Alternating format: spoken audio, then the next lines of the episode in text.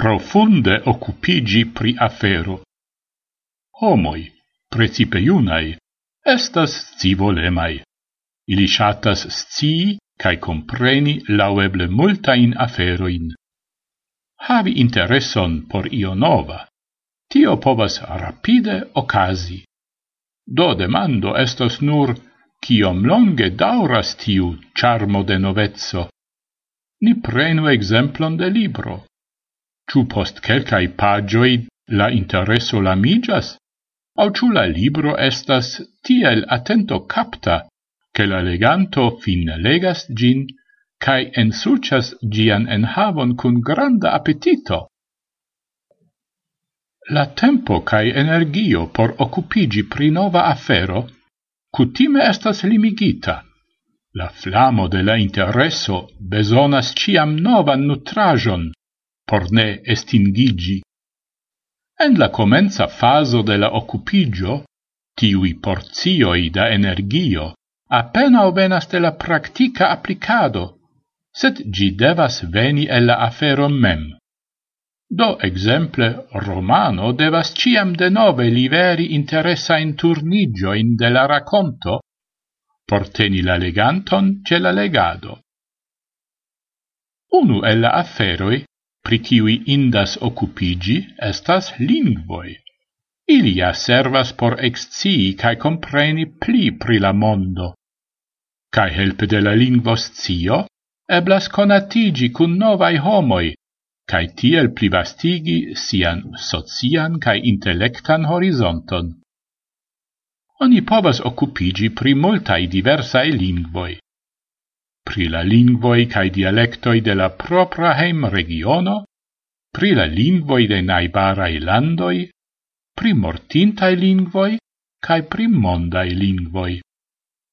Se mi parolas pri occupigio pri lingvo, mi ne celas rapidan curson, sed mi celas en profundigion, por exemple excii, kiel funccias tiu lingvo, kio estas la apartai etsoi de la lingvo, kian culturon portas la lingvo, cae kiel mi povas lerni cae practici la lingvon. Do antau ol comenzi la lernadon de lingvo, gravas occupigi pri la fono de la lingvo, pri la circonstanzoi en kiwi gi funccias cae evoluas, pri technicae etsoi de lingvo generale cae specife. Necessas ancau consciigi che resulto de lingvo lernado cutime ne estos tre granda, cae che tia la lernado mem donu contentigon, sen depende de la grado de aciro de la lingvo. Depende de la lingvo cae la grado de fremdezzo por la lernanto, la lingvo lernata estas pli mal pli malfacila. De tiu malfacilezzo dependas la progressoi en la lernado.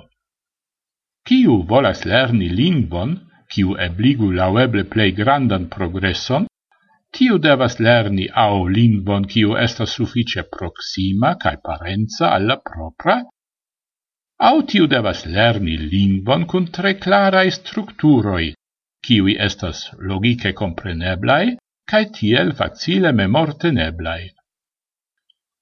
Mi parolas citie pri libervola lernado, kiu celas la privastigon de la propra personezzo, ne pri lernado pro socia cae economia besono. Tio ja estas tre granda differenzo. Ciu oni lernas pro persona intereso, au ciu pro debigo au necesso. En tiu contexto ni devas vidi nian lingvon Esperanto Gi bonege taugas por homoi, kiwi volas disvolvigi socie cae intellecte.